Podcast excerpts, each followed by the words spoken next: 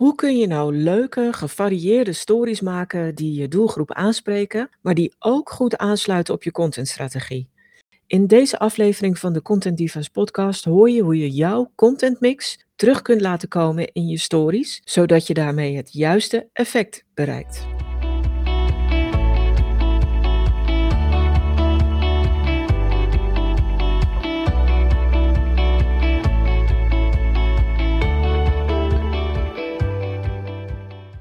Als je leuke, aansprekende stories wil maken, dan kun je op het moment afgaan en bedenken van, ja, wat, wat wil ik vandaag doen? Wat speelt er vandaag? Of je kunt je stories goed aan laten sluiten op je hele contentstrategie. En je kunt natuurlijk ook een combinatie van die twee maken. Maar als je stories wil maken met je contentstrategie in je achterhoofd, dan is het handig om altijd even terug te kijken naar je content mix. En content mix is een van mijn stokpaardjes, maar het betekent dat je een mix van verschillende soorten content maakt, die samen zorgen dat jouw strategie gaat werken. En een ideale content mix bestaat uit twee, drie of vier van de volgende elementen: informerende content, helpende content, inspirerende content en entertainende content. Als je meer dan één van die soorten gebruikt, dan bereik je verschillende dingen. Je bent ten eerste niet saai, want je gebruikt afwisselende soorten content. Maar ten tweede maak je je merk en de persoonlijkheid van de mensen binnen je bedrijf gewoon veel beter duidelijk. Het is gewoon leuker om naar je te kijken, naar je te luisteren en jouw content tot zich te nemen. Dus probeer altijd om een content mix te maken met een afhankelijk van waar jouw bedrijf voor staat en waar je naartoe wil, een hoeveelheid informerende content, misschien wat helpende content, misschien wat inspirerende content en misschien wat entertainende content. En ik maak daarbij, ik, ik categoriseer ze altijd nog ietsje verder. Informerende content en helpende content zie ik als meer rationele content. En inspirerende en entertainende content is meer emotionele content. Dus wat je ook kiest, op het moment dat je twee componenten in je content mix hebt, kies dan een rationele contentvorm en kies een emotionele contentvorm.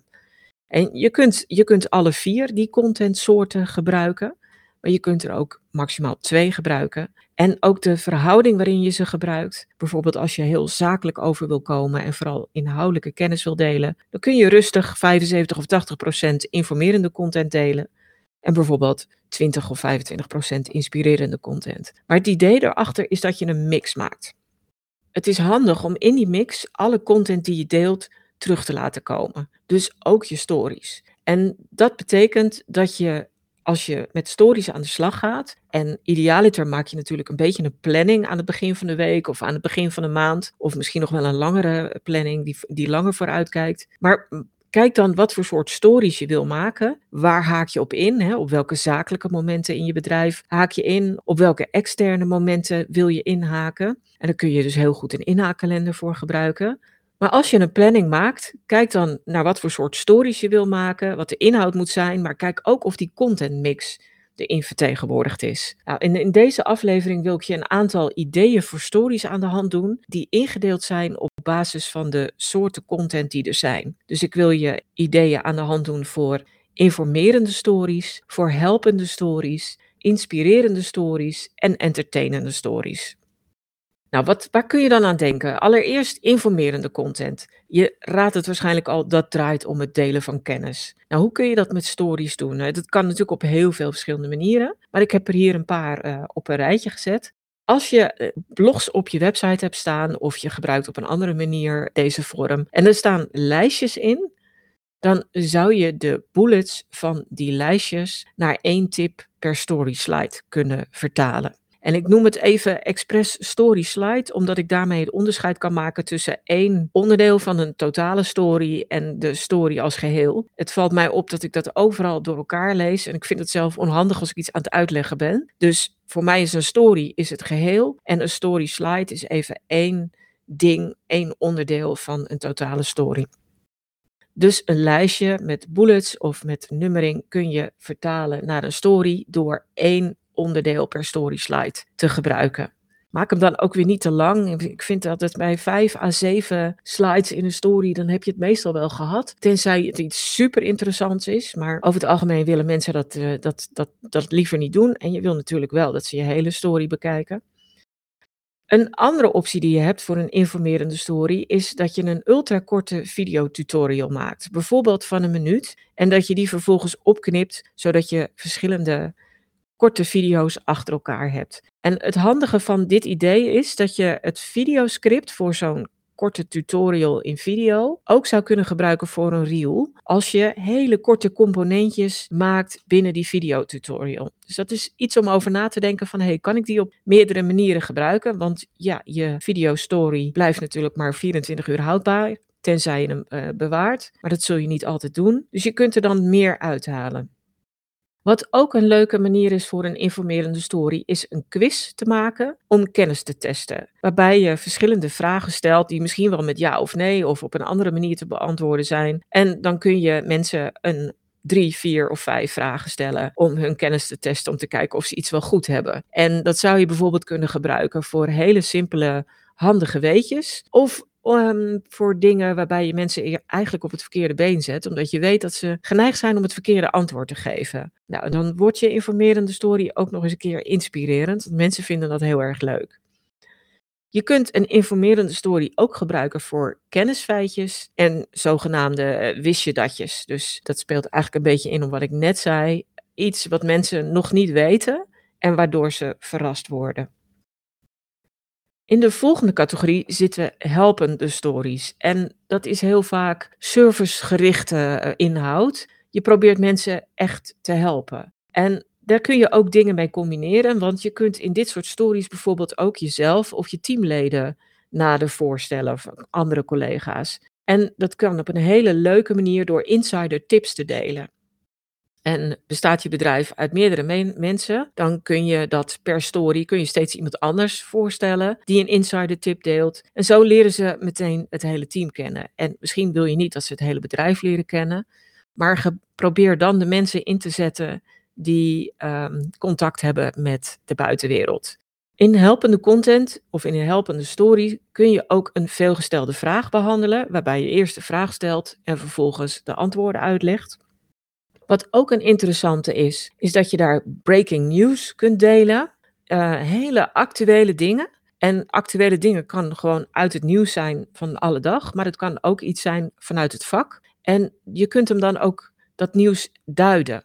Dus dat is, dat is ook heel leuk. En dat kun je natuurlijk in een blogvorm gieten, maar dat kun je ook heel goed in een storyvorm gieten. En tenslotte, een vierde manier om met een helpende story aan de gang te gaan, is om iets te reviewen dat handig is voor je volgers. Ja, wat je dan reviewt hangt natuurlijk helemaal af van je bedrijf en wat je volgers willen weten. Maar voor mij is dat bijvoorbeeld dat ik tools zou kunnen reviewen, uh, waarmee ik mensen gewoon verder help en zeg van joh, dit is super handig, heel vet om te gebruiken. De derde categorie stories, dat zijn de inspirerende stories. En ja, daar wil je mensen gewoon een goed gevoel mee geven. Je wil ze een soort blik laten zien op een leuker leven, leuker werk of een leukere wereld. Fijne dingen om te weten, waar je eventjes een positieve boost bij krijgt. Nou, dat kan nog soms op hele simpele, basic manieren. Je kunt een quote delen. En de meeste uh, mensen op Instagram die ik zie of op Pinterest delen die quote als een gewoon fotoafbeelding. Maar je kan hem natuurlijk ook als een story gebruiken met een bewegend element. Je kunt nog een stapje verder gaan en ook delen wat een quote met, met jou doet. Word je er blij van? Of word je er heel erg uh, suf van? Je kunt, je kunt daar van alles mee gebruiken. En op die manier laat je ook weer meer van jezelf en van het bedrijf zien. Wat gebeurt er nou als iemand een quote zegt? Is hij heel erg raak of is hij heel erg cliché? Of is hij misschien wel uiterst stupide? Op die manier kun je aan een quote hele leuke, inspirerende lading geven. Wat mensen ook kan inspireren is als je iets aankondigt in een story waar mensen heel veel aan hebben. En dat kan een nieuwe podcastaflevering zijn, dat kan een nieuwe weggever of lead magnet zijn. Het kan een evenement zijn, online of in het echt, wat je organiseert of waar je naartoe gaat of waar je geweest bent. Het kan een gave video zijn die gaat komen of die je net gezien hebt. En het kan ook een live QA zijn die je aankondigt. En wat heel handig is voor mensen om meer informatie te krijgen. En dan zie je ook dat inspirerende en informerende stories elkaar soms kunnen overlappen. Wat ook werkt is als je een bekentenis doet. Iets dat bij jou fout ging, kan anderen ondersteunen. En wat ook heel erg inspirerend is, is dat je een voor-na situatie laat zien. En dan zien mensen het resultaat of het effect van iets. En dat kan ook een enorm wauwgevoel geven en ehm, mensen echt ja, een goed gevoel geven en aanzetten tot eigen actie om bijvoorbeeld ook iets te doen of om iets te kopen. Dus zo kun je mensen op allerlei manieren met stories inspireren. Entertainende content en entertainende stories zijn misschien wel het allerlastigst om te maken. Want ja, misschien denk je wel van jeetje, ik ben helemaal geen entertainer. Of binnen ons bedrijf zijn we echt geen entertainers. Dat is op zich logisch. Dus um, als, je, als je er tegenop ziet of als je denkt van ja, hier kan ik echt niks mee, laat hem dan gerust zitten. Als je twee of drie dingen uit de content mix gebruikt, dan kom je al een heel eind om een gevarieerd beeld en gevarieerde content te delen. Maar misschien kan entertainen met stories toch wel. Want je kunt het eigenlijk op, nou ja, je kunt het in elk geval op drie manieren inzetten. Je kunt schoonheid gebruiken, je kunt humor gebruiken of je kunt iets gebruiken dat heel frappant of heel treffend is. Je kunt bijvoorbeeld een hele mooie afbeelding tonen, die heel mooi gemaakt is of met een heel mooie omgeving of iets, een mooi interieur. Dat, dat is al entertainend. Het is ook inspirerend, maar het is ook entertainend. Het kan ook zijn de manier waarop die afbeelding of die video is geschoten. Wat als je naar humor gaat kijken, dan zou je kunnen kijken naar een anekdote. Kun je een anekdote vertellen uit je eigen leven, uit het echte leven of uit het leven, de, de, de realiteit van je bedrijf? Vind je dat lastig? Is video niet je ding? Of zeg je van ja, ik, ik, mijn timing is niet goed en er is, echt niemand uh, die, die dit kan intern? Kijk dan of je met een afbeelding en kakhielachtig commentaar iets kunt doen. En uh, die combinatie kan ook heel gaaf zijn. En je kunt op internet heel veel voorbeelden bekijken en opzoeken om je te laten inspireren. En als humor past bij je merkwaarde en als ook een beetje ja, de, de chagrijnige, zeikerige humor past bij je merk, dan kun je dit zeker zo doen. En uh, op deze manier toch ook heel leuk een anekdote vertellen in een story. Wat je ook kunt doen is, uh, als andere mensen beter in humor zijn dan jij zelf bent, deel dan gerust een grappig bericht van iemand anders. Vraag wel toestemming, maar uh, waarom niet? Als iets jou aan het lachen maakte, of als het jou ontroerde, dat kan natuurlijk ook, dan kun je een bericht van iemand anders zeker verder delen. Wat ook entertainend is, dat zijn memes. Nou, het internet stikt van de memes. Dus je kunt er uh, een, bestaande meme gebruiken. En die in laten haken op iets wat in de werkelijkheid is gebeurd, of wat in je bedrijf is gebeurd, of waarmee je uh, iets treffends wil delen. Je kunt eventueel ook eigen memes maken. En ja, als je dat aandurft en aan kan, dan is dat echt heel erg gaaf. Maak ze dan in je eigen huisstijl, met eigen afbeeldingen, waarbij je steeds iets, een, eenzelfde element terug laat komen, zodat mensen jouw memes ook echt gaan herkennen. Maar de makkelijkste manier is natuurlijk om bestaande memes te gebruiken en daarmee iets uit te drukken in een story. Dus dat zijn, dat zijn hele, ja, op zich haalbare manieren om een entertainende story te maken. En zo zie je dat je informerende, helpende, inspirerende en entertainende stories heel goed kunt afwisselen. Op het moment dat je aan het begin van de week of aan het begin van de maand er even voor gaat zitten en gaat bedenken van ja, wat gaat er deze maand nou sowieso in mijn bedrijf of in de wereld om mij heen gebeuren? En hoe kan ik daar op inhaken met informatie, met servicegerichte content, met inspiratie of met entertainment? En daarmee kun je natuurlijk ook naar je bestaande contentplanning kijken van welke blogs ga je deze maand maken en publiceren? Welke video's, welke podcasts, welke afbeeldingen of infographics? Ja, wat, wat komt er sowieso al in je contentplanning? En hoe kun je die vertalen naar een van deze vier soorten stories? Ja, hiermee heb ik de content mix vertaald naar story suggesties. Maar dan vergeet je eigenlijk één hele belangrijke soort stories. En dat zijn sales stories. Stories waarin je gewoon aan het verkopen gaat. Hoe kun je dan met sales stories aan de gang gaan? Nou, dat kan op heel veel manieren. Op het moment dat je aan een nieuw product of een nieuwe dienst werkt, kun je in een story mensen mee laten denken over de naam of over stukjes van de inhoud. Dat kan met een poll, dat kun je ook doen door mensen uit te nodigen door te reageren via een DM. Je kunt ook sneak peeks gaan geven in je stories. En of dat nou van een service is of van een product, vaak kun je in een pre-lanceerfase al hele leuke dingen laten zien in een story.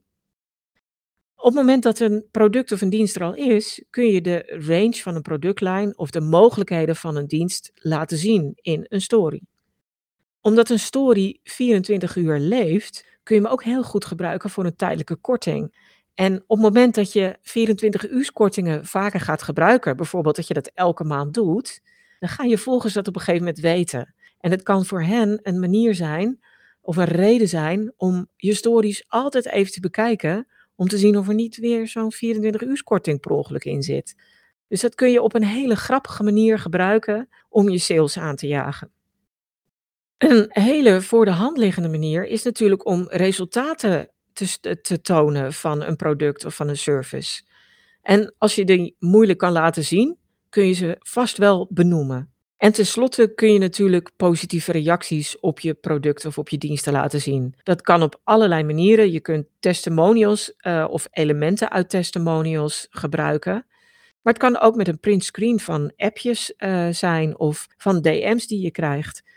Het slimste is wel om die dan te anonimiseren. Niet iedereen zit erop te wachten om in een story van iemand anders te figureren. Maar misschien willen ze het wel en dan zou je die persoon zelfs nog kunnen taggen. Waardoor het tonen van zo'n positieve review of reactie nog geloofwaardiger wordt. Dus sales content, probeer die echt in je stories te verweven. En misschien wel 1 op de 5 of 1 op de 10, afhankelijk van hoeveel stories je deelt. Ook als een sales story te gebruiken, zodat je ook echt omzet en rendement uit Instagram haalt. Nou, een laatste tip nog is om stories of je ideeën voor stories te hergebruiken. Een story kun je één op één natuurlijk zowel op Facebook als op Instagram plaatsen. je kunt het meteen op twee plekken delen, maar soms kun je het ook handiger doen door het separaat te doen en het niet op hetzelfde moment op, op zowel Facebook als Instagram te delen. En met het doorplaatsen moet je ook uitkijken hoe je tags en hashtags gebruikt, want het werkt op beide platformen soms net even anders of niet handig. Je, zul, je zou hem ook nog op Pinterest kunnen delen als een idee-pin. Dat zijn in feite ook een soort stories. Dus als je een goede story hebt, waarom niet hem ook nog op Pinterest gebruiken op het moment dat je daar toch al zit? Nou, aan het begin zei ik het al, soms kun je een story ook hergebruiken als een reel, afhankelijk van hoe je script in elkaar zit. En reels zijn natuurlijk heel kort. En de valkuil bij reel is dat je gaandeweg dat er steeds meer zendtijd is gekomen voor reels. Maar de kracht van reels is toch wel dat ze heel kort zijn. Dus probeer ook je reels zo kort mogelijk te houden en niet helemaal tot maximum zendtijd op te rekken. Maar kijk of je een story of elementen uit een story misschien ook als een reel kan gebruiken, die je dan op een later moment nog een keer gebruikt op Instagram. Nou, dat waren heel veel ideeën. Ik hoop dat er iets voor je bij zit. En dat dit je inspireert om in je content planning voor de komende tijd te kijken hoe je stories onderdeel kunt maken van je contentstrategie.